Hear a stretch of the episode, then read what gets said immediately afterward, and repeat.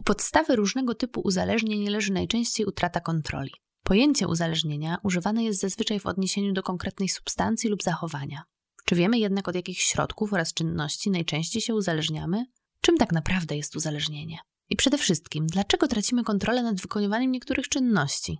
O uzależnieniu i terapiach z nim związanych rozmawiamy z Joanną Flis, psycholożką kliniczną i zdrowia, certyfikowaną specjalistką psychoterapii uzależnień. Słuchasz podcastu z cyklu ABC Psychoterapii, realizowanego w ramach strefy Psyche Uniwersytetu SWPS. Więcej merytorycznej wiedzy psychologicznej znajdziesz na psycheswps.pl oraz w kanałach naszego projektu na YouTube i Spotify. Zapraszamy. Dzień dobry. Dzień dobry, witam Państwa serdecznie. No, myślę, że na początek pozwolę sobie zacząć od takiego bardzo ogólnego pytania. Czym właściwie jest uzależnienie? Kiedy możemy mówić o uzależnieniu? No tak, to jest ogólne pytanie, ale też e, wymagające wyczerpującej odpowiedzi. No jasne. E, lubię użyć takiego skrótu e, myślowego, być może on nie jest trafny, ale, ale na pewno użyteczny, że uzależnienie zaczyna się tam, gdzie, gdzie zaczynają się szkody w naszym funkcjonowaniu, czyli zaczyna się wtedy, kiedy podporządkowujemy życie temu zachowaniu, od, którego, od którego jesteśmy uzależnieni, kiedy zaczynamy ponosić różne konsekwencje, czy to w życiu osobistym, zawodowym, finansowe albo zdrowotne, zdajemy sobie z tego sprawę, a mimo to kontynuujemy to zachowanie. Wtedy według mnie uzależnienie się zaczyna, bo świadczy też o tym, że w jakimś stopniu tracimy kontrolę nad, nad własnym zachowaniem, a nasze, nasze procesy motywacyjne, czyli wszystko to, co nami rządzi i nami kieruje, kierują nas tylko w jedną stronę, w stronę podtrzymywania nałogu. Mhm. Czyli można powiedzieć, że dla każdego uzależnienie będzie trochę czym innym i zacznie się w trochę innym miejscu, zgodnie z tą definicją? Każdy z nas ma trochę w innym miejscu dno. Mamy inną hierarchię wartości, inaczej postrzegamy straty, więc idąc e, tym tropem, o którym Pani powiedziała, rzeczywiście jest tak, że każdy z nas w innym momencie zorientuje się, że uzależnienie mu szkodzi Natomiast utraty kontroli większość z nas doświadcza w tym samym momencie, czyli wtedy, kiedy w dużym skrócie nasz ośrodek dopaminergiczny i kora przedczołowa zaczynają ulegać zniszczeniu pod wpływem zachowań nałogowych. A czy uzależnienie ma jakieś konotacje genetyczne? Od czego zależy, czy to właśnie e, my no, no, uzależnimy się od jakiejś substancji czy jakiegoś zachowania? Nie ma takich jednoznacznych badań, które by powiedziały, że ono ma jakieś e, konotacje genetyczne. Pewnie, gdyby były takie badania, łatwiej byłoby nam planować jakieś prewencyjne działania. Natomiast wszyscy jesteśmy w pewnym potencjale co do uzależnienia. E, nie, nie można powiedzieć, że jakaś grupa jest bardziej lub mniej bezpieczna, bo właściwie tym, co predysponuje nas do uzależnienia bardziej niż geny, niż budowa naszego ośrodkowego układu nerwowego, jest nasza sytuacja w życiu. Jeżeli mamy jakieś frustracje, jeżeli mamy jakieś kłopoty wyjściowe, jakieś problemy, to to nas predysponuje do uzależnienia, ponieważ uzależnienie pełni funkcję takiej protezy, która nam pomaga rozwiązywać niekoniecznie skutecznie, ale bezboleśnie różne nasze kłopoty, więc daleka byłabym od, od poszukiwania genu, który nas e, e, predysponuje, ale bliska byłabym takiego myślenia, że każdy z nas może się uzależnić bez względu na to, jak długo dane zachowanie uprawia. Czyli jeżeli piję przez 15 lat w jakiś sposób e, kontrolowany, to nie oznacza, że w 16 roku tego picia ja się nie uzależnię. Bo od tego, czy ja się, to, to od, czy ja się uzależnię, zależy od tego, w jakim jestem miejscu w życiu. E, pewnie jeszcze do tych czynników predysponujących do, do uzależnień e, wrócimy, chociaż słyszę, że bardziej ich szukalibyśmy w takich aspektach psychologicznych, tudzież sytuacyjnych, niż, e, niż genetycznych. Aczkolwiek no, jest coś takiego, że mówi się o, o tym, że to jest jakoś dziedziczne, że, że tak jak ojciec, bo dziadek, no pił, to pewnie takie najczęstsze, ale, ale gdzieś jakoś coś takiego się dzieje. Czy to w takim razie nie mówimy o takim dziedziczeniu, czy, czy, czy być może jakimś obserwowaniu pewnego rodzaju nawyków, czy sposobów radzenia sobie właśnie? Z pewnością ma to związek z modelowaniem, czyli bardziej powtarzamy zachowania, które już znamy, a które wiemy, że mogą redukować jakieś napięcia albo być sposobem na rozwiązanie jakiejś sytuacji. No, czasem mówi się o tym, że e, niektóre osoby mają e, tak zwany enzym, który, który związany jest z dehydrogenazą aldehydową, alkoholową, czyli e, metabolizowaniem alkoholu do aldehydu octowego. Niektóre osoby mają ten enzym bardziej aktywny. I tak tłumacząc na ludzki chodzi o to, że niektórzy z nas mają mocniejszą głowę. Czyli organizm tych osób lepiej radzi sobie z metabolizowaniem substancji psychoaktywnej i to sprawia, że te osoby mogą pić więcej. Czyli nie mają kaca. Jeżeli nie mają kaca, no to nie mają negatywnych konsekwencji. Jak nie mają negatywnych konsekwencji, no to piją częściej. I to byłby taki czynnik biologiczny. Na przykład mówi się, że wielu mieszkańców Japonii ma ten enzym bardzo słaby. To oznacza, że bardzo szybko się upijają, więc jest tam mały odsetek osób uzależnionych. Więc są takie czynniki biologiczne. Można by było mm, ich dotknąć. Natomiast bardziej chodzi o modelowanie, bardziej chodzi o powtarzanie znanych sposobów. Mhm, jasne. Od jakich substancji można się uzależnić? No wszyscy wiemy, że, że, że można się uzależnić od alkoholu. E, spodziewamy się, że można uzależnić się od narkotyków. Coraz częściej mówi się też o uzależnieniu od internetu albo od seksu. Od czego jeszcze możemy się uzależnić? Właściwie możemy uzależnić się od wszystkiego, co jest tak zwanym doświadczeniem uzależniającym, czyli co wywołuje tak zwane doświadczenie uzależniające. Doświadczenie uzależniające to takie doświadczenie, które zastępuje nam coś ważnego w życiu albo redukuje nam jakiś rodzaj napięcia, z którego nie zdajemy sobie sprawy, albo pomaga nam sięgać po jakieś ważne cele i potrzeby w życiu. Czyli można by było powiedzieć, że można się uzależnić od wszystkiego, co sprawia, że lepiej radzimy sobie z, tak pozornie, tak? Z różnymi tak naszymi sobie. Tak, celami ży, ży, życiowymi. Z pewnością takim takim najbardziej intensywnym potencjałem do uzależnienia mają substancje psychoaktywne, czyli takie, które są aktyw, aktywnie zmieniają e, pracę naszego mózgu, które wpływają właśnie na ośrodek dopaminergiczny, czyli ten ośrodek, który odpowiada za nasze procesy motywacyjne. W dużym skrócie dopamina pojawia się po to, żeby nas utwierdzić w tym, że to, co robimy, jest dobre. I substancje psychoaktywne mają taką moc że wyzwalają w nas takie przekonanie, że to, co robimy, to jest, do, jest dobre. Nie tylko przekonanie takie poznawcze, ale też związane z całym, z, z wszystkimi procesami ewolucjonalnymi. Więc możemy się uzależnić od wszystkiego. Substancje psychoaktywne mają najmocniejszy potencjał, w tym e-uzależnienia, bo one też mają taki charakter łaskotania nas dopaminą, ale też są zachowania, od których możemy się uzależnić. Na przykład zachowania hazardowe, w których e, tak, e, pojawia się dużo impulsywnych zachowań, po, pojawia się wygrana, przegrana, bardzo intensywne Silne emocje. emocje. Tak, więc to jest też kotwiczące. Więc więc możemy się uzależnić od cukru, możemy się uzależnić od sportu, możemy się uzależnić od zdrowego odżywiania, jak to ma miejsce w ortoreksji, czy ta paleta y, zachowań i substancji, od których możemy się uzależnić, jest bardzo szeroka.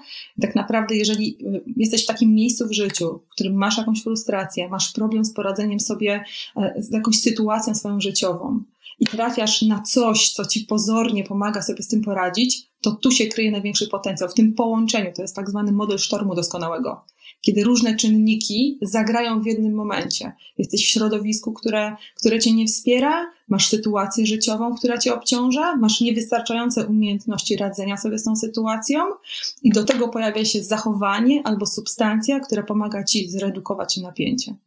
I to jest właśnie sztorm doskonały, czyli każde uzależnienie, choć można je opisać używając kilku kryteriów, to każde uzależnienie jest inne, bo to jest połączenie substancji i sytuacji, w jakiej jest człowiek, plus jego e, osobistych predyspozycji. Mhm. E, jeden z uczestników czatu pyta, czy taka redukcja napięcia, o którym Pani mówi, e, może się odbywać również poprzez takie jedzenie. Czy możemy traktować takie jedzenie, które, takie napady jedzenia, które służą redukcji napięcia, właśnie jako uzależnienie? Czy można być, i czy wtedy jest to uzależnienie od produktu, od jedzenia, czy od cukru na przykład, tak się domyślam, że o to chodzi, czy też od samej czynności?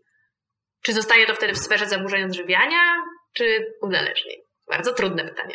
Okej, okay, trudne, ale trafne. Dlatego, że tak. bardzo często przy uzależnieniach behawioralnych mówimy o tym, że trudno powiedzieć, od czego ktoś jest uzależniony. Czy od tej czynności, czy od tej substancji. Cukier na przykład jest, y, ma, ma taki potencjał uzależniający.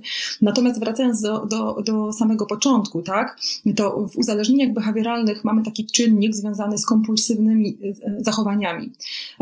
Jakby tu Państwu to opowiedzieć. Od samego początku rozwija się w nas pewien rodzaj tak zwanej pasji harmonijnej. Od samego początku uzależnienia, czyli czyli sięgamy po jakieś zachowanie, które dostarcza nam nagrody. I to jest w pewnym sensie pasja harmonijna, czyli coś, co nas wzbogaca. Nikt nie zaczyna od uzależnienia, który, który go rujnuje. Tak? Czasem zaczyna się na przykład od upodobania sobie, e, e, nie wiem, marcepanów. E, potem ta pasja harmonijna przeradza się w tak zwane kompulsywne zachowanie. Czyli kompulsywnie sięgam po tam nagrodę, potrzebuję tej nagrody, redukuję nią napięcie. A tam, gdzie zaczyna się już taki bardzo chroniczny nauk, zaczyna się unikanie cierpienia. To już nie jest tylko sięganie po nagrodę, mm, ale no unikanie no cierpienia. Czyli jak ja czyli nie na początek jem, robimy to, to, bo chcemy coś dobrego, mm-hmm. a mhm. potem po to, żeby uniknąć cierpienia, które wynikałoby z braku sięgnięcia po, po jakiegoś rodzaju substancję, czy produkt, czy zachowanie. Tak, dlatego uzależnienie nie zawsze jest przyjemne, w sensie później, w późniejszych fazach rozwoju ono nie jest już przyjemne. Ono po prostu pozwala redukować cierpienie. I wracając do pytania internauty, to osoba, która jest uzależniona od jedzenia, może być jednocześnie uzależniona od tego zachowania redukującego, może być jednocześnie uzależniona od cukru i może być, mieć jednocześnie zaburzenia odżywiania, bo mamy coś takiego jak podwójne diagnozy i bardzo często jest tak, że osoby uzależnione jednocześnie cierpią na inne zaburzenia. To się po prostu nie wyklucza. Jasne, to chyba jeszcze przy okazji zadam kolejne pytanie, tak mi się wydaje, że z tego obszaru, bo dotyczy zjawiska chemsex i również e, chodzi o to, czy, czy bardziej tutaj będziemy mówili o uzależnieniu od substancji, mefedronu, czy bardziej e, o uzależnieniu behawioralnym, seks, czy, czy używanie takiej aplikacji. Mhm. Ja myślę sobie, że tu znowu mamy takie połączenie, szczególnie wtedy, kiedy mamy e-uzależnienia. Na przestrzeń cyfrową mówi się cyfrowa farmakeria. To oznacza, że ona ma taki potencjał uzależniający, ponieważ to, co się zmienia na szklanym ekranie, czyli te bodźce, kolory, dźwięki i ta stymulacja intensywna, bardzo mocno stymuluje nasz ośrodek dopaminergiczny, więc każda aplikacja będzie miała taki potencjał, jak kokaina. Porównałabym ją trochę do kokainy. Zresztą nie jest to moje porównanie, profesor Karda raz porównuje w ten sposób cyfrową farmakerię. E, więc wtedy, kiedy mamy do czynienia z takim zjawiskiem, nakładają się na siebie zachowania związane z uzależnieniem behawioralnym plus uzależnienie od tej stymulacji. Zresztą jak spojrzycie Państwo na takie klasyczne uzależnienie od palenia, to mamy dokładnie to samo połączenie. Ktoś jest uzależniony od nikotyny, ale również od, uzależniony od tej czynności, tak? Czyli nie możemy, to jest taki sztuczny podział, którego my używamy po to, żeby jakoś sobie tam kategoryzować te uzależnienia. Natomiast de facto zawsze chodzi o pewną czynność, o, o, o cały pewien nawyk, który się pojawia, o to, co się pojawia przed zażyciem albo zagraniem, o to, co się pojawia w trakcie i co się pojawia potem. To jest cały schemat takiego funkcjonowania, włącznie z takimi przekonaniami przyzwalającymi, więc skupiłabym się bardziej na tym, co i ile muszę wysiłku włożyć w to, aby się powstrzymać od tego typu zachowań, bo powstrzymywanie się od zachowań nałogowych jest wysiłkiem i jakie są motywy konkurujące, czyli co mi w tym przeszkadza, niż nad tym, czy to jest behawioralne, czy to jest od substancji psychoaktywnej, tak? Bo to, to może wprowadzać jakiś taki bałagan, a tak naprawdę sedno uzależnienia jest zawsze jedno, to jest nałogowa regulacja uczuć. I bez względu na to, co tam jest na końcu tego kija z marchewką, co jest twoją marchewką, nie ma to znaczenia, co jest twoją marchewką. Znaczenie ma tylko to, co możesz zrobić, żeby za nią nie ruszyć. No, to chyba jest bardzo takie cenne rozumienie, bo, bo ono nam pokazuje, że być może jest wiele czynności, które robimy, żeby sobie regulować emocje, ale nie są one tak e, no, popularne jako nauk, żebyśmy zwrócili uwagę, że, że stanowią jakiś rodzaj nałogu, e, bo w taki sposób wszystkie nasze nawyki, które służą regulacji emocji, a które są dla nas jakoś nieadaptacyjne, będą nosiły taki, takie znamiona, dlatego że zawsze to będzie nagradzające. Jeżeli redukujemy sobie nieprzyjemne emocje, no to mamy ulgę, a w związku z tym E, no jest duża szansa, że powtórzymy taką czynność. Dlatego kiedy będziemy mówić o tym, że, że coś jest dla nas, że, że to jest jakby no, coś szkodliwego? W jakim momencie można, e, obserwując kogoś, możemy, możemy zwrócić uwagę, czy też samego siebie, że, że, że no mamy jakiś problem, że mamy jakąś trudność? Okay, czyli wtedy przede wszystkim, kiedy pojawia się głód, głód jest takim słowem, które znamy pewnie też z filmów wszyscy, natomiast ja wolę określenie stres, czyli wtedy, kiedy pojawia się stres, czyli zmniejsza się moja zdolność do przeżywania różnych emocji. W dużym skrócie po prostu staję się nadwrażliwa, staję się napięta, doświadczam monotonii, mam problem z, moje emocje mają za długi ogon, mam problem z kontenerowaniem tych emocji. Kiedy myślę obsesyjnie o tym, żeby tą czynność wykonać albo żeby po tą substancję sięgnąć, kiedy nie umiem się powstrzymać, jakby utrata kontroli wobec zachowania albo substancji ma, taki, ma takie trzy przestrzenie. Pierwsza przestrzeń to jest trudność w zatrzymywaniu tego procesu rozpoczynania tych zachowań. I to jest związane z tym, że jeżeli będziesz w jakimś miejscu, gdzie ktoś pije alkohol, gra w lola albo mm, w miejscu, gdzie masz dostęp do pornografii, a jesteś osobą uzależnioną, to będziesz mieć problem z tym, żeby nie rozpocząć, czyli wyzwalacz jest bardzo intensywnie działającym bodźcem. Później mamy taki obszar związany z kontrolowaniem czasu. Czyli po pierwsze tolerancja mi wzrasta, muszę więcej grać, więcej zażywać różnych e, substancji, żeby mieć ten sam efekt. Tolerancja mi wzrasta i tym samym ten czas się wydłuża. Więcej piję, więcej zażywam, dłużej gram, tak? Bardziej się powściągam, jeżeli jestem ortorektykiem i więcej ćwiczę, jeżeli jestem bigorektykiem, tak? Czyli jakby ten czas, ten czas się wydłuża, a ja poświęcam um, wszystkie inne ważne aspekty mojego życia na rzecz tego zachowania. No i trzeci obszar to problem z wyhamowaniem, czyli mam problem z zatrzymaniem. To jest dla mnie ważny, ważny objaw. Umawiam się ze sobą, że wypiję trzy piwa, piję cztery dni, tak? To jest dla mnie taka informacja, że coś się dzieje z tym ośrodkiem samokontroli. E, też nie mogę przestać, ponieważ efekt związany z odstawieniem zachowania albo substancji jest dla mnie tak nieprzyjemny, mam tak nieprzyjemny zespół odstawienny, że wolę, wiecie, jak bardzo nas boli noga, to jesteśmy gotowi sobie ją amputować, tak, w tym szczycie bólu. I to jest właśnie ten stan, tak, czyli tak bardzo cierpię, kiedy odstawiam, tak bardzo się też przywiązuję do tego przekonania, że będę cierpieć, że nawet nie podejmuję tych prób przerwania. Więc ta samokontrola uszkadza się w takich trzech obszarach. Ja używam takiego porównania samochodu, że to tak jakbyś ktoś prowadził samochód, ten samochód nie miał hamulców. I po pierwsze, jeżeli e, e, zaczynasz jechać, to masz problem z tym, żeby wyhamować i nie wiesz, na czym skończysz. Najprawdopodobniej skończysz na jakimś drzewie.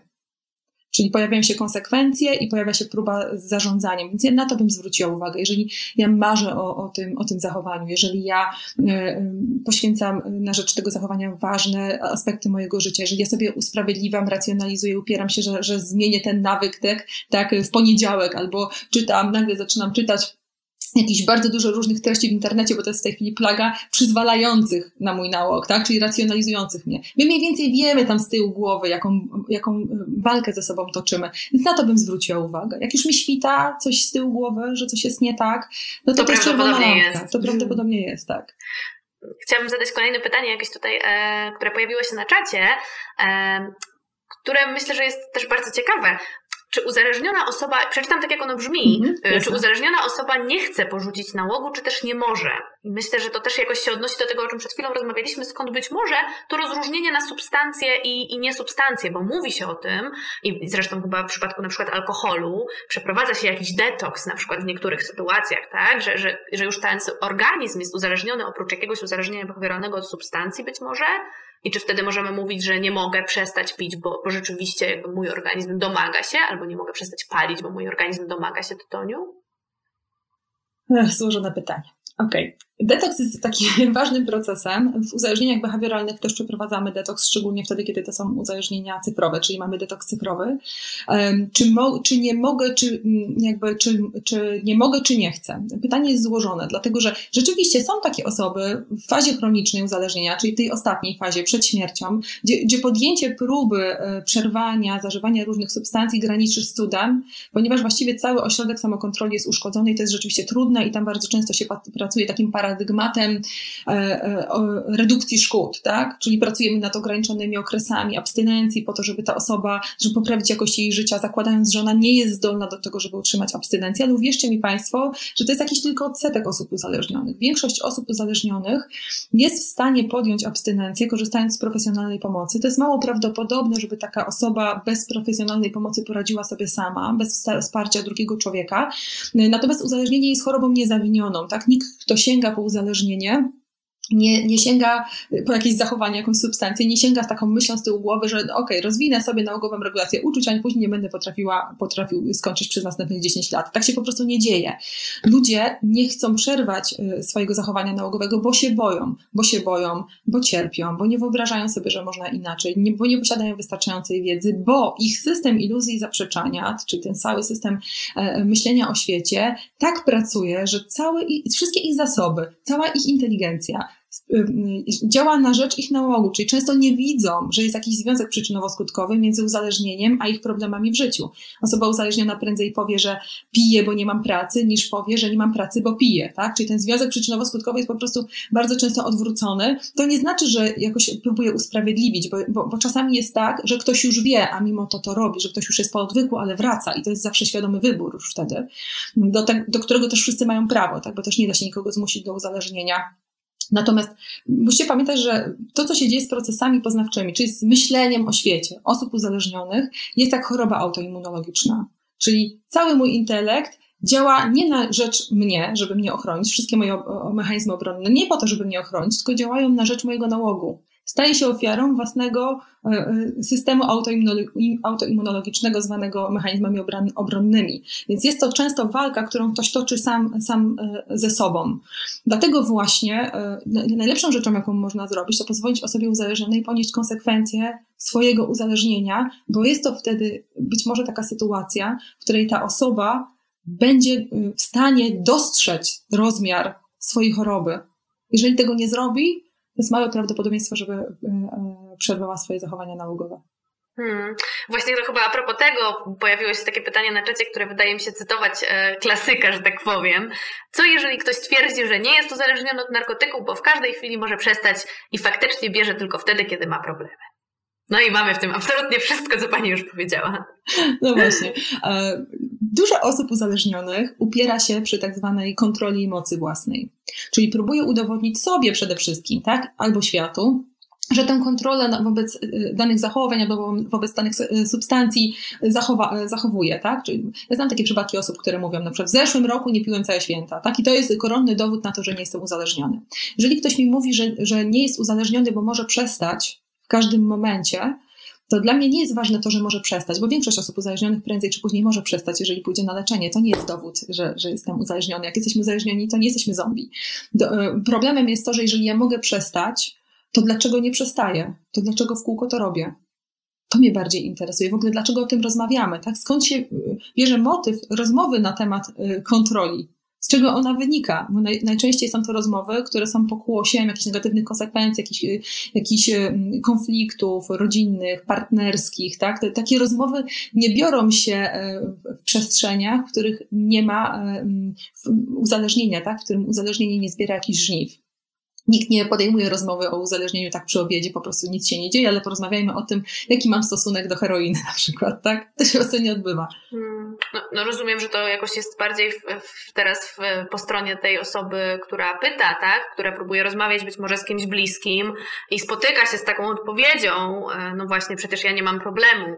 I czy jest jakaś być może magiczna sztuczka albo sposób, co można zrobić, żeby pokazać takiej osobie, e, no, wskazać na te konsekwencje, które ponosi, czyli w jaki sposób pomóc takiej osobie, która jest e, uzależniona. No, powiedziała Pani, że dać ponieść konsekwencje, ale wyobrażam sobie, że to musi być strasznie trudne, kiedy mowa o kimś bliskim, kiedy to jest nasze dziecko, nasz partner, partnerka czy rodzic, e, to, to dać mu ponieść konsekwencje równa się często dla nas, jako tej osoby obok, no, pozwolić, żeby stała się krzywda.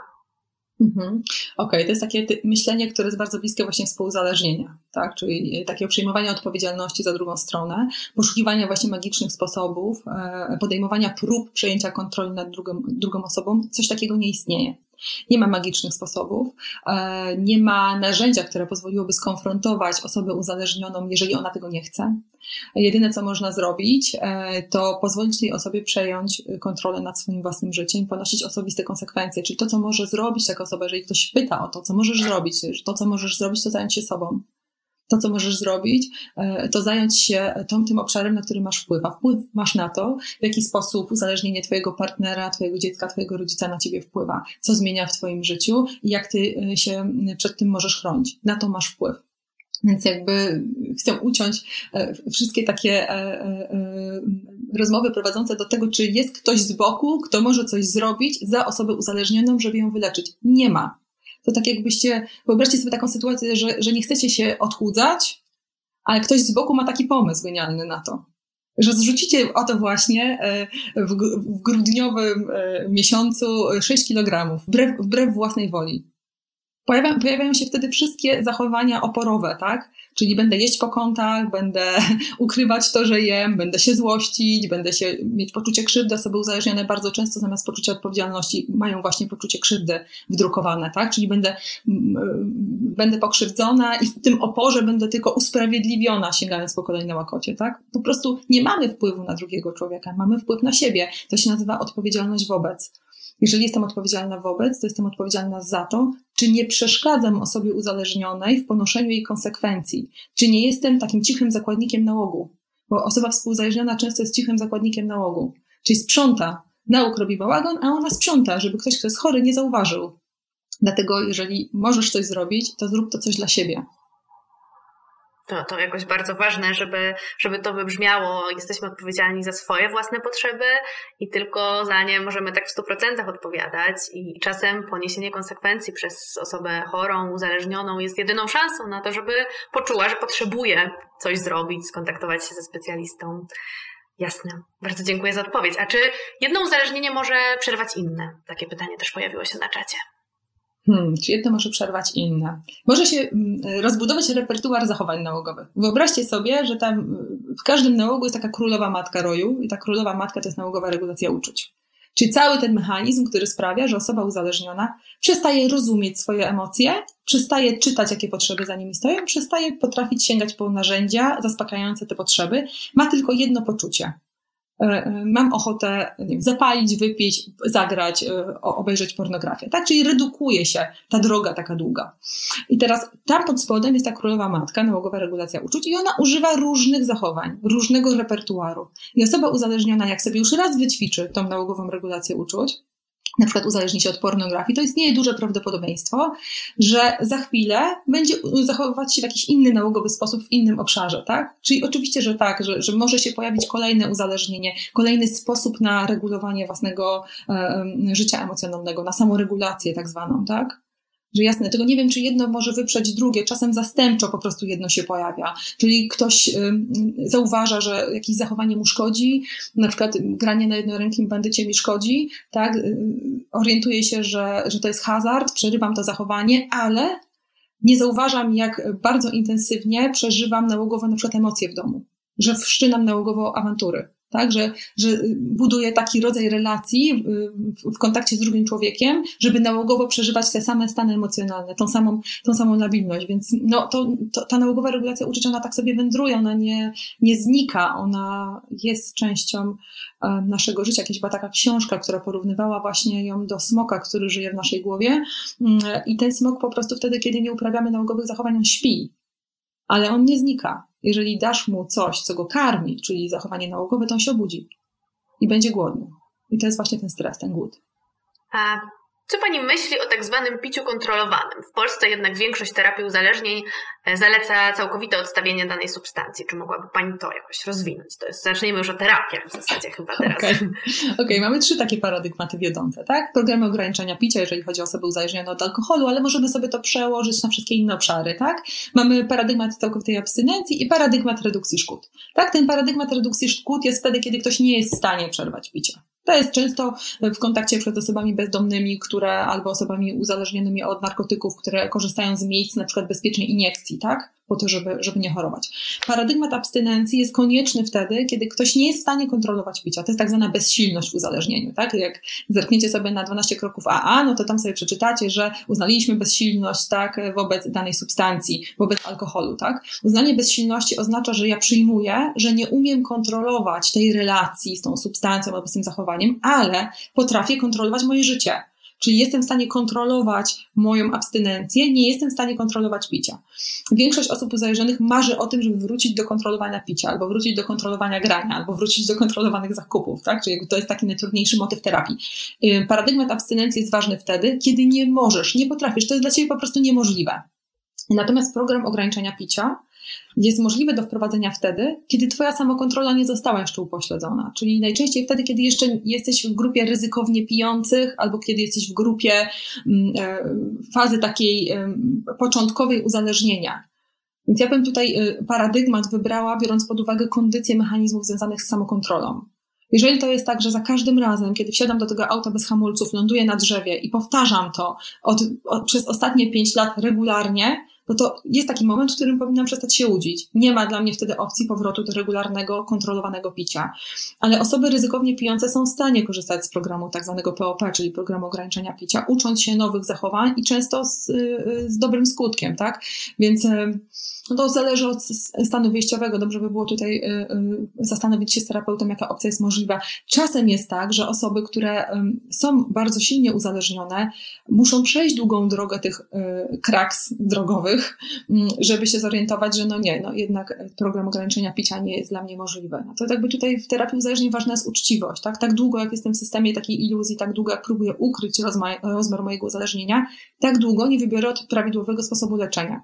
Jeżeli stanę przed sobą i umówię się ze sobą na pewien rodzaj uczciwości, szczerości, ze sobą albo z moim terapeutą, jeżeli jestem gotowa do tego, żeby zaufać, tak? Komuś budować jakieś przymierze terapeutyczne. Jeżeli pozwolę sobie na to, żeby uczciwie popatrzeć na model mojego picia, to jest duże prawdopodobieństwo, że wybiorę odpowiednie leczenie. To nie jest tak, że my terapeuci mamy takie fantazje o tym, że wszyscy muszą być abstynentami. Absolutnie. E, e, prawidłowe leczenie uzależnienia zaczyna się wtedy, kiedy mamy pewną uczciwość w gabinecie i możemy rzeczywiście wybrać dla osoby uzależnionej najlepszy sposób postępowania z jej problemem. Czyli musi to być jakoś skrojone pod, pod daną osobę i, i dany problem. Musi e... być, musi być.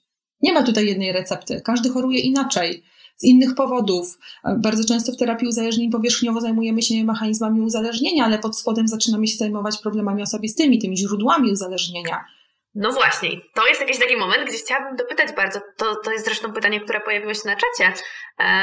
Jak my rozróżniamy terapię uzależnień od innych, no tutaj na czacie było napisane nurtów psychoterapeutycznych, ale w zasadzie, czy terapia uzależnień jest psychoterapią? Jeżeli mówimy o regulacji emocji, to, to, to w takim razie, gdzie się kończy praca terapeuty uzależnień, a zaczyna się, nie wiem, praca na osobowości, czy na innego rodzaju zaburzeniach psychicznych? Jak można to rozgraniczyć? Może najpierw, no właśnie, czym terapia uzależnień różni się od psychoterapii? Okej, okay. jest taki szczególny e, e, paradygmat e, pracy i to są jakby osobna szkoła psychoterapii, to są tak zwani terapeuci psychoterapii uzależnienia i współuzależnienia i w tej szkole psychoterapii głównie uczymy się pracować z osobami uzależnionymi, czyli rozumieć mechanizmy uzależnienia, rozumieć mechanizmy współuzależnienia. I to jest ten wycinek pracy, który może zrobić psychoterapeuta uzależnień, czyli zająć się uzależnieniem, autodiagnozą, diagnozą, nawrotami, rozpoznawaniem głodu, zatrzymywaniem zachowań niechcianych. Całą resztę, którą robimy, czyli często pracę pracę nad syndromem DDA, zaburzeniami osobowości, depresją, nerwicą, zespołem stresu pourazowego, bo to wcale nie jest takie rzadkie, robimy już w innym nurcie, tak? Czyli wtedy, kiedy pracuję z kimś długo, to korzystam też z tego, że jestem psychologiem i psychoterapeutą systemowym i, i, i korzystam z tego paradygmatu. Czyli szkoła psychoterapii uzależnień nam się kończy w jakimś miejscu, tak? Czyli kończą nam się te kompetencje i te możliwości terapeuty uzależnień. Mówi się o tak zwanej terapii na problemach osobistych albo terapii pogłębionej i wtedy warto skorzystać z pracy z terapeutą, który ma do tego uprawnienia. Bardzo często terapeuci uzależnień nie mają uprawnienia do tego, żeby pracować dodatkowo w innym paradygmacie e, terapeutycznym. Natomiast warto pamiętać, że ta specjalizacja psychoterapia uzależnienia i współuzależnienia jest kierowana głównie do pracy z osobami e, na mechanizmach uzależnienia. Mhm.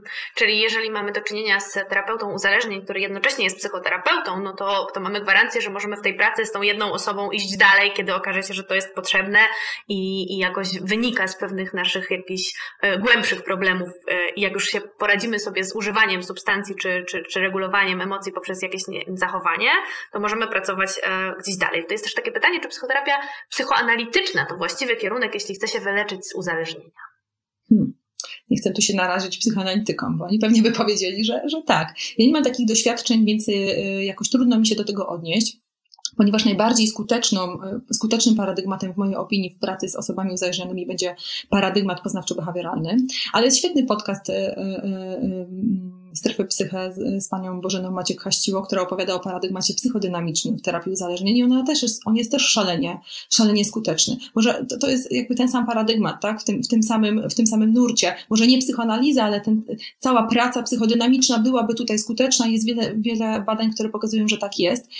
Jeżeli chodzi o paradygmat na przykład terapii skoncentrowanej na rozwiązaniach, tak? Mamy też sporo e, danych pokazujących, że ona jest skuteczna, mimo że tam w ogóle pracujemy poza problemem, tak? Czyli koncentrując się na rozwiązaniach, rozwiązaniu, więc mm, ciężko mi byłoby powiedzieć, że jakiś paradygmat nie pracuje. Ja myślę, że e, i powiem to z pełną odpowiedzialnością, że to, co pracuje w gabinecie, to nie paradygmat, nie narzędzia, tylko terapeuta i pacjent, e, klient, e, który jest gotowy do pracy i przymierze terapeutyczne i jakaś empatia i zrozumienie po obu stronach i gotowość do, do oglądania swojego życia. I to chyba jest ważniejsze niż konkretne narzędzia. No i to, jest też trochę tak, że z narzędziami jak z językiem. Są osoby, które się po prostu odnajdują w, w, jakoś lepiej w, w, jednym języku, a w innym niekoniecznie. Pamiętajcie, że bez względu na to, jaki jest paradygmat, y, mówimy o tym samym. Czy to tak samo jak mówimy o świecie. Możemy mówić językiem chemii, fizyki, biologii, psychologii, geografii, ale ciągle mówimy o kuli ziemskiej i ludziach na niej żyjących i w całej reszcie e, zwierząt, tak? Więc i tak samo jest z paradygmatami. E, one służą do tego, żeby używać jakiegoś konkretnego języka e, mówienia o tym zjawisku. Natomiast same to nie paradygmaty są uzdrawiające. Jasne, tutaj chyba byśmy zachęcały do tego, żeby przede wszystkim poszukać kogoś, kto nam będzie też pasował e, jako osoba, z kim się dobrze poczujemy, kto, kto sprawi, że będziemy chcieli pracować nad czymś, co jest trudne, rozmawiać przecież o bardzo intymnych kwestiach, dzielić się takimi przeżyciami, więc ważne, żeby nam po prostu ta osoba pasowała przede wszystkim, ten terapeuta. Czy można powiedzieć, ile czasu potrzeba na wyjście z uzależnienia? Jak długo trwa taka terapia? No dobra, okej, okay, spróbuję się jakoś do tego zabrać. Uzależnienie jest e, chorobą chroniczną i fazową i śmiertelną. Zacznę od tego optymistycznie. Czyli właściwie ten smog, który w nas żyje, ta nałogowa regulacja uczuć, on z nami zostaje do końca życia, więc powiedziałabym, że e, uważność na swoją nałogową regulację uczuć powinno się mieć do końca życia. Czyli ta terapia właściwie nigdy się nie kończy. Czyli z tego wsparcia korzystamy całe życie. To nie musi być intensywność e, raz w tygodniu. Czasem jest tak, że to jest raz na, na pół roku, a czasem raz raz, raz w roku. Na przykład na odwykach, tam gdzie ja pracowałam, jest tak zwany zjazd absolwentów i, i ludzie trzeźwi od wielu, wielu lat przyjeżdżają raz na kilka miesięcy, raz do roku, żeby spotkać się z innymi i przypomnieć sobie o tym, że nie mam kontroli nad swoimi zachowaniami, bo łatwo, bo łatwo zapomnieć. Mm, natomiast Sama praca terapeutyczna dobrze by było, żeby zamknęła się w dwóch latach. Tak myślę sobie, jeżeli miałabym komuś zaproponować, to psychoterapia podstawowa trwa do pół roku, to jest ten czas, który pozwala nam zapanować nad e, e, rozumieniem głodu, nawrotów i wyzwalaczy. I później e, z pewnością potrzebujemy jeszcze roku do, do półtora, tak, takiego czasu na pracę nad resztą problemów, dlatego że uzależnienie jest chorobą całego systemu, do którego ktoś przynależy, tak, całego systemu rodzinnego, tak, całego systemu społecznego, do którego ktoś przynależy. Więc mało prawdopodobne, że jeżeli ktoś zatrzyma picie, to zmieni się całe jego życie. Jeżeli ktoś zatrzyma hazard, to zmieni zmieni się całe jego życie. To jest jakby taki czubek góry lodowej, tak? Zmieniamy, zatrzymujemy zachowania destrukcyjne, natomiast, żeby to zagrało i żeby się nie powtórzyło, to musimy też zmienić ten stan wyjściowy, czyli zastanowić się nad tym, jak żyć, tak, w dużym skrócie, e, i, i co robić e, ze, swoją, ze swoimi kłopotami, jak je rozwiązywać i które relacje są dla mnie karmiące, a które niekoniecznie. To to jest kawał pracy. Więc po, po, powiedziałabym, że do dwóch lat z pewnością to jest jakaś taka intensywna praca. Zresztą na odwyku, jak spojrzymy, to, to ludzie w, pro, w programie podstawowym są 8, 8 e, tygodni i później właśnie jeszcze rok z hakiem, tak, pracują e, w, poradni uzależnień. Więc warto się zamknąć w takich, e, w takich dwóch latach. No właśnie, bo warto powiedzieć, że to, co przede wszystkim musimy zrobić, to najpierw e, no, poradzić sobie z zachowaniem czy substancją. Dopóki mamy do czynienia z używaniem e, tej substancji, tudzież zachowania w celu regulacji emocji, no to trudno się dostać do tego, co będzie, kiedy przestaniemy.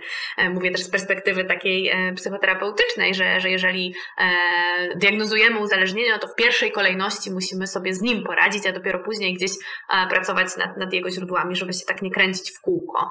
Więc, więc można to podzielić, dobrze zrozumiałam, tę pracę na takie dwie fazy. Pierwsza dotyczyłaby właśnie tej redukcji e, używania tego e, szkodliwego czy, czy, czy, czy nałogowego, a dopiero w dalszej kolejności można się zająć przyczynami, czy szukaniem źródeł, czy, czy, czy znajdywaniem innych, bardziej adaptacyjnych sposobów na regulację emocji. Jasne. Dokładnie są takie badania e, e, Margasińskiego, które, e, które pokazują, zresztą jest profesorem świętej pamięci profesorem Jerzym Melibrudą, które pokazały, że to były badania, które dotyczyło, dotyczyły systemów rodzinnych, w których jedna osoba wytrzeźwiała czyli skończyła odwyk i one pięknie pokazywały, że tam schody dopiero się zaczynają, że jakość życia e, dzieci i, i ilość konfliktów i, i, walka o pozycję dominującą w rodzinie dopiero się zaczyna i to trochę potwierdza to, co mówią moje pacjentki współuzależnione, które często mówią mi, że lepiej było, jak, było jak ich partner pił tak? Że są zmęczone trzeźwieniem, że są zmęczone tym napięciem, które się dzieje, bo te mechanizmy regulacyjne, które często uzależnienie pełni funkcję mechanizmu regulującego w systemie.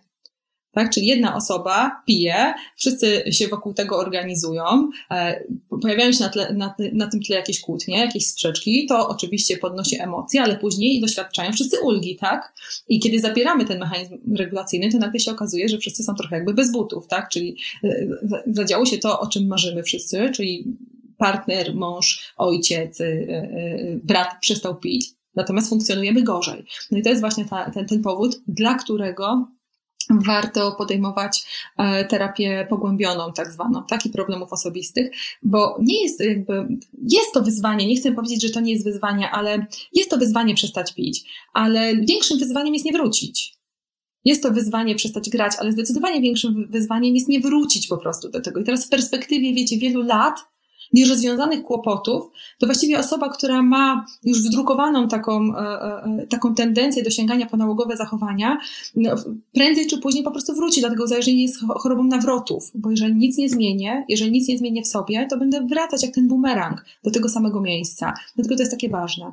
Także wracając Jasne. do tego, co powiedziałaś, tak, dwie fazy. No, bo jak zabierzemy picie albo je używanie, no to zostawiamy bezbronną część jakoś, tak, która, no, no potrzebujemy znaleźć inne adaptacyjne sposoby na regulację emocji. W przeciwnym razie jest bardzo duże prawdopodobieństwo takiego nawrotu albo sięgnięcia po właśnie inny rodzaj, e, tak, używki czy, czy, czy zachowania. A jeżeli chodzi o, o tak zwane wszywki, czy to jest to dobre rozwiązanie z Pani perspektywy, z perspektywy specjalisty uzależnień? Hmm, okej. Okay. E, to jest dobre rozwiązanie, jeżeli wiesz, że e, nie jesteś w stanie wypracować tej pierwszej abstynencji bez tak zwanego bata nad głową. Tak? E, czyli jeżeli masz motywację, że chcesz się zmienić, masz motywację, że chcesz się leczyć i to jest narzędzie, które ci to ułatwia, to jest wtedy dobre rozwiązanie. Jeżeli zaś uważasz, że wszywka zastąpi terapię, to to nie jest dobry pomysł. Jeżeli myślisz, że mm, wszywka, e, która wymusi abstynencję, jest jedynym sposobem i właściwie wystarczającym do tego, żeby zacząć lepiej funkcjonować, to to nie jest dobry pomysł, tak? E, wszywka też nie jest dobrym pomysłem u osób, które nie potrafią zmobilizować się do zaprzestania picia i u których ryzyko impulsywnych zachowań związanych z piciem rośnie, czyli jest duże, tak? Bo te osoby osoby mogą niestety, mając wszywkę, się napić, tak? Co, co jest związane z, z, możliwością utraty nawet życia, tak? Więc to jest niebezpieczne. Więc jeżeli to jest tak, że y, masz kłopot z, podtrzymaniem tego wysiłku związanego z powstrzymywaniem się od picia, no bo tak jak ja Wam mówiłam, tak? Wysiłkiem jest utrzymanie abstynencji. To tak jak odłożysz telefon y, i wysiłkiem jest go nie odpalić z powrotem tak? Czyli nie, nie, nie sprawdzić, żeby nie scrollować, nie, nie, nie zareagować na te, na te aplikacje, które tam e, e, pikają, tak? To jest wysiłek. Więc jeżeli masz problem z utrzymaniem motywacji do podjęcia tego wysiłku, nie z samym wysiłkiem, ale z motywacją do podjęcia tego wysiłku, to wszywka może być dobrym rozwiązaniem i znam osoby, które tak rozpoczynały swoją pracę terapeutyczną, tak? E, ja zachęcam zawsze osoby, z którymi pracuję, jeżeli decydują się na wszywkę, e, to zachęcam do tego, żeby jednocześnie podjąć e, terapię odwykową na oddziale, bo ja zawsze będę bardzo blisko tego, że terapia podstawowa jest najbardziej sensowna wtedy, kiedy odbywa się na oddziale. E, terapeutycznym i odwykowym. Sama pracowałam na oddziale, pracowałam w poradni uzależnień, w tej chwili pracuję mm, e, e, tylko w gabinecie prywatnym, natomiast z, pełnym, z pełną odpowiedzialnością mogę powiedzieć, że oddział jest dokładnie tym, czego potrzebuje osoba uzależniona i nie jesteśmy tego w stanie powtórzyć w gabinecie terapeutycznym, dlatego że ktoś, kto jest 8 tygodni na oddziale, w którym nie ma dostępu do wyzwalaczy i ma dostęp do 100 innych uzależnionych osób i ma codziennie zajęcia, ta, taka osoba chcąc powtórzyć to w gabinecie terapeutycznym musiałaby spędzić w nim kiedyś liczyłam 4 lata. Nie? Coś, co robi no 8 tak. tygodni na oddziale, nie? W sensie, jeżeli chodzi o że chodzi o jakąś intensywność tych oddziaływań, ale jednocześnie wspomniała Pani o grupie i też tutaj na czacie pojawiło się pytanie, dlaczego terapia e, uzależnień odbywa się grupowo? Czasem się odbywa grupowo, ale rozumiem, że właśnie jakoś o tym też Pani wspomniała. Czy może Pani trochę powiedzieć o mocy tej grupy? Mhm, jasne. Grupa ma największą moc w ogóle. Ja, ja bym każdą psychoterapię prowadziła w sposób grupowy, dlatego że uważam, że grupa ma największą moc. Ale w psychoterapii uzależnień to jest ważne, że możemy odbijać się w oczach innych ludzi, rozpoznawać w ich historiach swoje własne wątki, tak? Czy to jest taka choroba minimalizowania i zaprzeczania?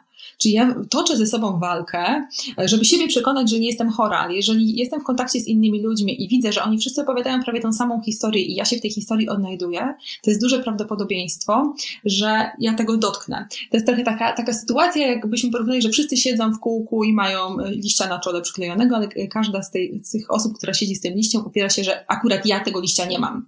Jestem w stanie te liście zobaczyć u innych ludzi i rozbrajam ich mechanizmy, ich konfrontuję i w ogóle wymądrzam się na wszystkie możliwe sposoby, ale cały czas jednocześnie upieram się, że moje czoło jest czyściutkie.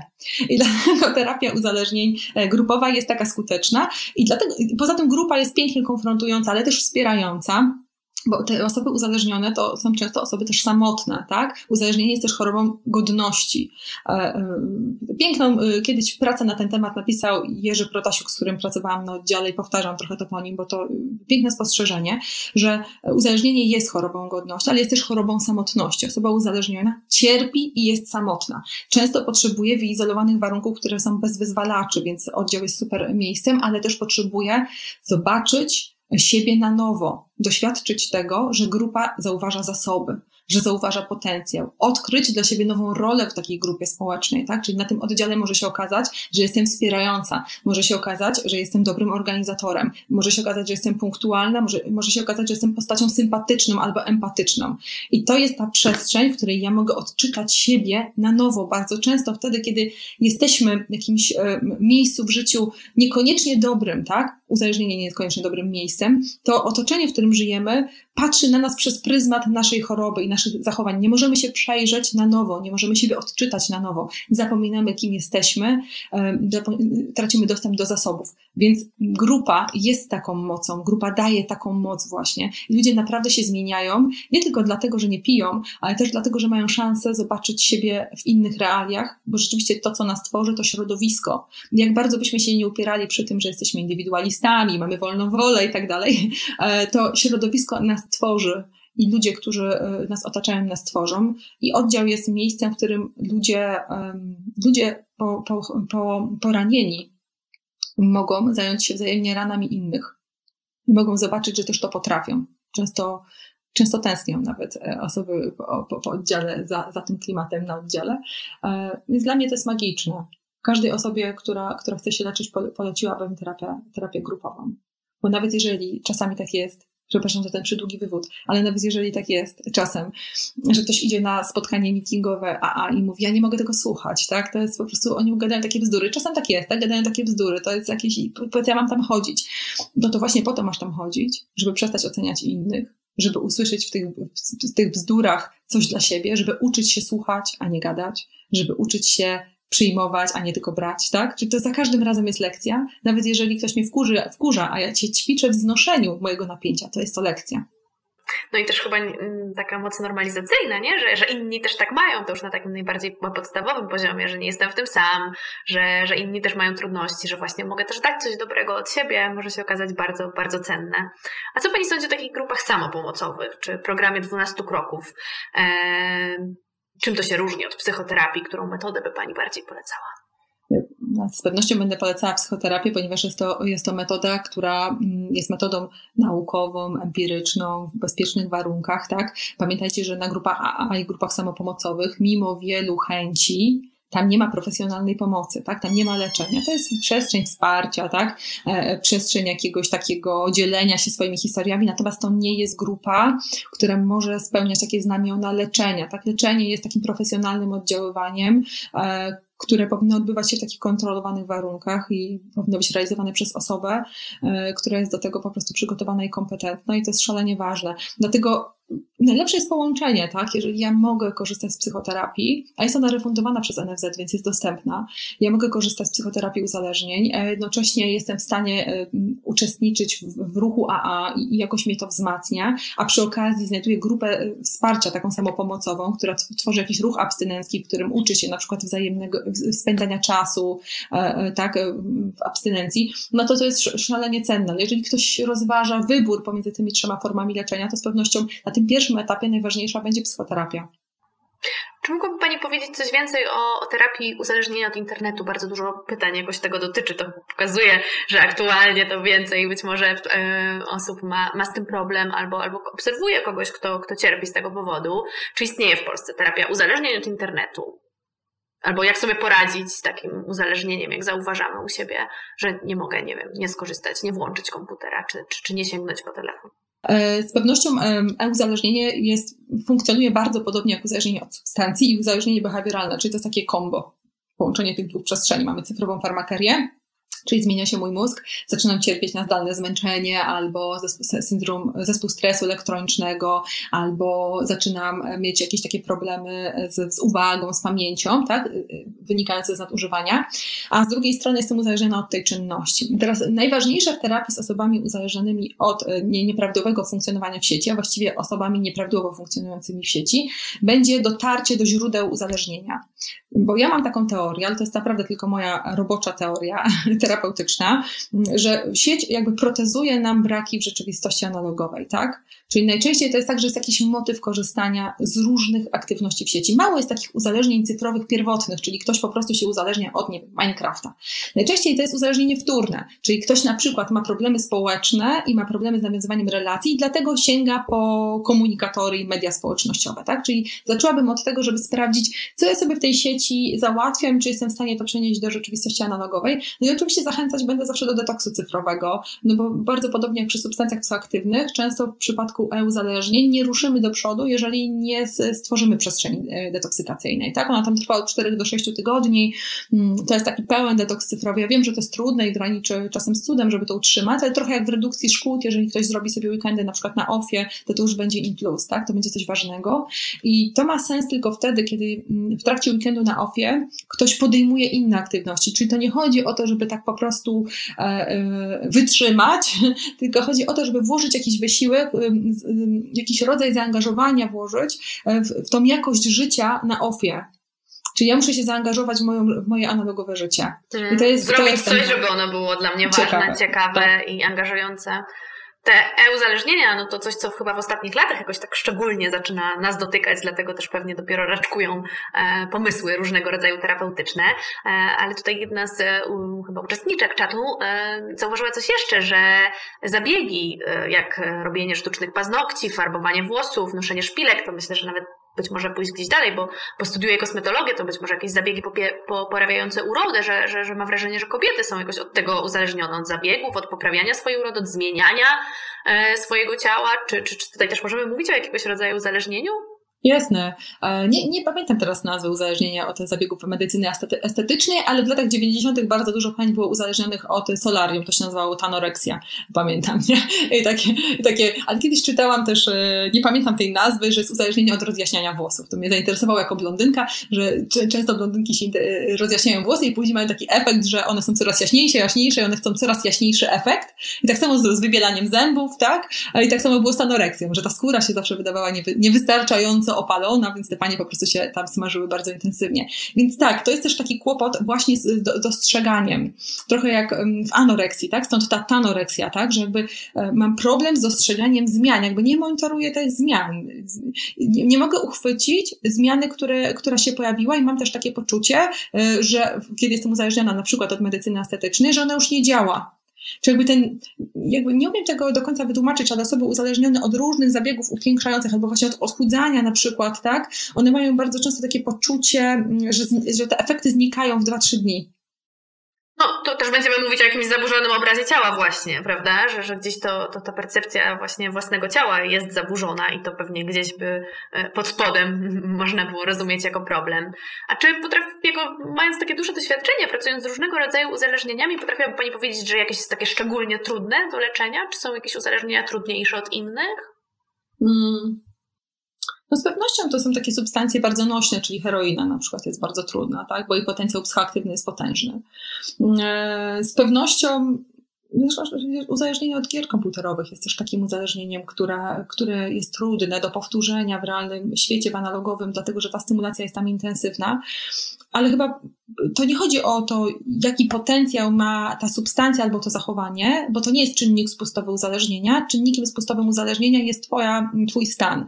Więc najpewniej najtrudniej pracuje się, się osobom nad swoim uzależnieniu, uzależnieniem, tym, które są impulsywne, które mają skłonność do ryzyka, które mają e, e, wysokie, wysoką potrzebę stymulacji, albo są na przykład neurotyczne, mają, mają zaburzenia afektywne, to też predysponuje różnego rodzaju fobie, na przykład społeczne w przypadku uzależnienia od mediów społecznościowych Czyli mamy taką tendencję, właśnie ona się pojawia bardzo często, że tak się koncentrujemy nad tym od czego i wydaje nam się, że jak od tego czegoś to coś się zmienia, a tak naprawdę punktem wyjścia, tym czynnikiem spustowym jest ta moja kondycja. Więc powiedziałabym, że najtrudniej pracuje się z osobami, yy, pracuje się osobą, no mi to jest bez różnicy, ale nad swoim uzależnieniem pracuje się najtrudniej osobom, tak, które wyjściowo są w bardzo kiepskim e, stanie i jakby nie mają alternatyw, czyli na przykład nie mają wsparcia środowiskowego albo poniosły już bardzo duże y, szkody. Na przykład hazardziści są taką grupą. Jeżeli ktoś ma y, y, milionowe długi, i, prawdopodobieństwa powrotu do tak zwanego normalnego życia jest prawie zerowe, to motywacja do tego, żeby przerwać zachowanie hazardowe jest prawie żadna, szczególnie, że tylko hazard jest tym e, zachowaniem, które daje prawdopodobieństwo, że moje życie się zmieni, bo a nuż jak wygram te kilka milionów, to moje życie się zmieni. I to jest często motywacja hazardzistów, czyli mówią, ja już nie mam Taka jedyna szansa, żeby z tego tak. wyjść. Czyli to jest też trudne. Mhm. Jedna osoba na czacie też napisała, że właśnie podobno szczególnie trudne do wyleczenia jest uzależnienie od hazardu, ponieważ działa na dwa układy uzależnienie podejmowania ryzyka, adrenalina mm -hmm. i samej wygranej dopamina. I czy to mogłaby Pani rozwinąć? No ale to chyba właśnie. tak, tak, właśnie powiedziałyśmy. Mhm. Tak, tu ryzyko, tu też jest dużo heurystyk, tak? Zachęcam Was do pułapek myślenia Kahnemana, tak. taka świetna książka, tak? To, Bardzo polecamy. Dużo, tak, tam jest dużo heurystyk. E, no i też hazard jest takim charakterystycznym e, uzależnieniem, które bardzo zniekształca nasze myślenie o rzeczywistości, no bo hazard oznacza grę losową, czyli która nie rządzi się żadnymi prawami, a hazardziści z uporem mają maniaka, po prostu poszukują tam jakiegoś wzoru, jakiego, popatrzcie na osoby, które grają w totolotka latami, tak, poszukują tego systemu, tak, czyli tych zniekształceń poznawczych związanych z próbą przejęcia kontroli nad losową grą jest strasznie dużo. E, i, i to rzeczywiście jest trudne, bo wyjście z tych zniekształceń poznawczych jest, jest bardzo trudne. E, tak sobie myślę, dużo jest uzależnień, które działają też na, wywołują e, duży wyrzut adrenaliny, tak, czyli takich związanych ze skłonnością do podejmowania ryzyka, bo na przykład sport jest też takim ekstremalny, tak, jest też takim E, e, takim, doświadczeniem. Mm, e, zażywanie na przykład mm, psychodelików może być takim doświadczeniem, szczególnie zażywanie substancji halucynogennych, tak? Wtedy, kiedy dzieją się różne rzeczy, to jest, to jest też związane ze skłonnością do podejmowania ryzyka no hmm. chyba jeszcze raz warto powiedzieć, że właściwie wszystko. wszystko to, to kluczowe tak. będzie nie to, co to jest, tylko mm-hmm. czy nie staje się przypadkiem centrum naszego życia, czy możemy z tego zrezygnować. E, nie tylko mówiąc, że oczywiście możemy, ale czy gdybyśmy spróbowali, to rzeczywiście to się e, uda i czy przypadkiem nie ponosimy jakichś bardzo dużych kosztów. Chciałabym jeszcze na koniec zadać takie pytanie, przekazać pytanie od uczestniczki czy uczestnika czatu, który mówi, że e, stawia taką tezę, że najtrudniej jest e, pokonać abstynencję, uzależnienie od toksycznego partnera. E, I czy to przypadkiem nie jest silniejsze od uzależnienia od narkotyków? Czy może Pani coś powiedzieć na ten temat? Czy możemy mówić o uzależnieniu od toksycznego partnera czy partnerki? Jest dużo takich nałogowych schematów przeżywania relacji z innymi ludźmi. I, i, I to z pewnością jest ważne. Jest taka teoria też koalkoholizmu, która mówi, że osoby współuzależnione uzależniają się od nieprawidłowego funkcjonowania uzależnionych partnerów, tak? I że to też ma te znamiona nałogowej regulacji uczuć. Czy najtrudniej jest się u, mm, uwolnić od toksycznego partnera? Z pewnością jest to trudne. Z pewnością e, nie, nie dotyczy to tylko uzależnienia, ale całej struktury, zależnej struktury osobowości.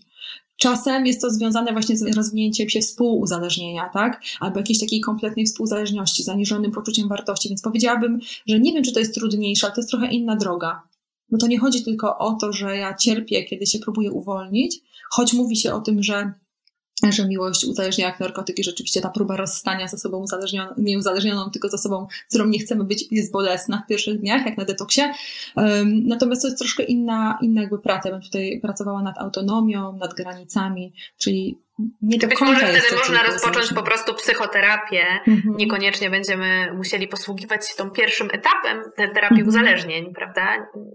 Tak myślę. sobie z tym poradzić. Tak myślę, zastanawiam się tam z tyłu głowy, czy, czy rzeczywiście można się, można się uzależnić od dynamiki relacji, od tego na przykład, że w relacji jest dużo napięć, które oscylują wokół e, doświadczenia ulgi na koniec, tak? I można, jest dużo osób, które e, wywołują nieświadomie konflikty po to, żeby doświadczyć tej, tej, tej stymulacji i to się przejawia w, w cechach syndromu e, DDA na przykład, tak? Co, jeżeli chodzi o związek z uzależnieniem. Mhm. A czy depresja często towarzyszy uzależnieniu? Jeszcze takie pytanie się pojawiło. Oczywiście, że tak, bo alkohol to depresant, tak? Więc będzie z zasady e, przyczyniał się do rozwoju epizodu, epizodu depresyjnego. Mm, e, duża mnogość konsekwencji negatywnych e, osoby, która jest uzależniona, też prowadzi do depresji, tak? Różne cechy syndromu PTSD, czyli zespołu stresowo-urazowego, wtedy, kiedy ludzie doświadczają różnego rodzaju konsekwencji takich związanych z byciem pobitym, na przykład okradzionym, zgwałconym, tak, co się często też pojawia w przypadku uzależnienia od, od różnego rodzaju substancji, też y, determinują, tak, predysponują do depresji. Także ja bym powiedziała nawet, że jest bardzo dużo osób, dużo osób, które radzą sobie z epizodem depresji, używając różnego rodzaju substancji psychoaktywnych albo zachowań. Tutaj takie pytanie, kura czy jajko, tak? No właśnie, ciężko powiedzieć, co jest przyczyną, tak, co skutkiem. Tak, bo jeżeli chodzi o depresję, zaburzenia lękowe, to jest to taki top of the top y, osób, które sięgają po substancje psychoaktywne po to, żeby złagodzić sobie y, objawy, tak? Mhm. Jasne. Chciałabym jeszcze poprosić tutaj w imieniu uczestników czatu, czy na koniec mogłaby Pani powiedzieć, gdzie można jeszcze więcej dowiedzieć się na temat terapii uzależnień? Czy ma Pani być może do polecenia jakieś książki, a może podcasty, coś, gdzie można no, no więcej dowiedzieć się na ten temat, bo no, widzimy, że jest on bardzo obszerny i w zasadzie mogłybyśmy jeszcze długo e, o tym rozmawiać. No z pewnością zachęcam Państwa do słuchania podcastów e, Strefy Psyche, tak, SWPS. Jeżeli jesteście zainteresowani treściami dotyczącymi e-uzależnień, to jest też taki podcast ze mną, w którym rozwijam tą, tą, tą treść. E, zachęcam Was też do, do książek Wyrosnąć z DDA. W tej chwili taka e, książka się pojawiła i to jest i też Wyrosnąć z DDE, DDD, przekroczyć DDD. To jest też ciekawa książka. Instytut Psychologii Zdrowia na swojej stronie ma masę ciekawych artykułów na temat, na temat uzależnienia. Sekielski o nałogach, podcast, który myślę sobie, że jest całkiem, e, całkiem niezły, e, więc tych, tych przestrzeni, w których możecie Państwo poczytać, posłuchać jest dużo, ale e, taka, takie jedno ale, jeżeli ktokolwiek z Państwa rozpoznaje u siebie cechy uzależnienia, no to pamiętajcie, że wgląd nie leczy, tak? Czyli my możemy dużo wiedzieć na temat różnych rzeczy, mm, obczytać się w milionie książek, ale to nie zmieni mojego życia, jeżeli ja nie, za, nie zastosuję tego w moim życiu w praktyce, bo gram praktyki jest lepszy niż to teorii. Więc jeżeli ktoś słucha pierwszego, drugiego, trzeciego, dziesiątego podcastu, bo rozpoznaje u siebie te mechanizmy, no to warto tą energię włożyć w konsultację z terapeutą, jedną, dwie, czasem trzy, po to, żeby rzeczywiście zrobić sobie porządek na temat tego, czy jestem uzależniony, czy nie, ponieważ wgląd nie leczy.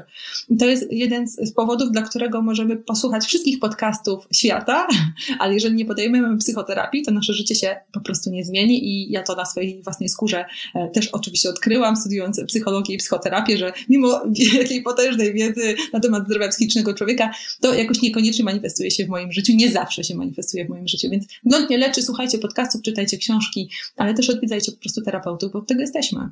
Bardzo dziękuję za rozmowę. Państwu bardzo dziękuję za zaangażowanie, za aktywność, za liczne pytania.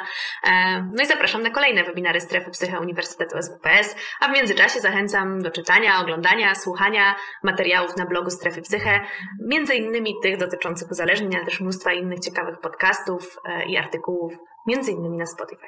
Dziękuję.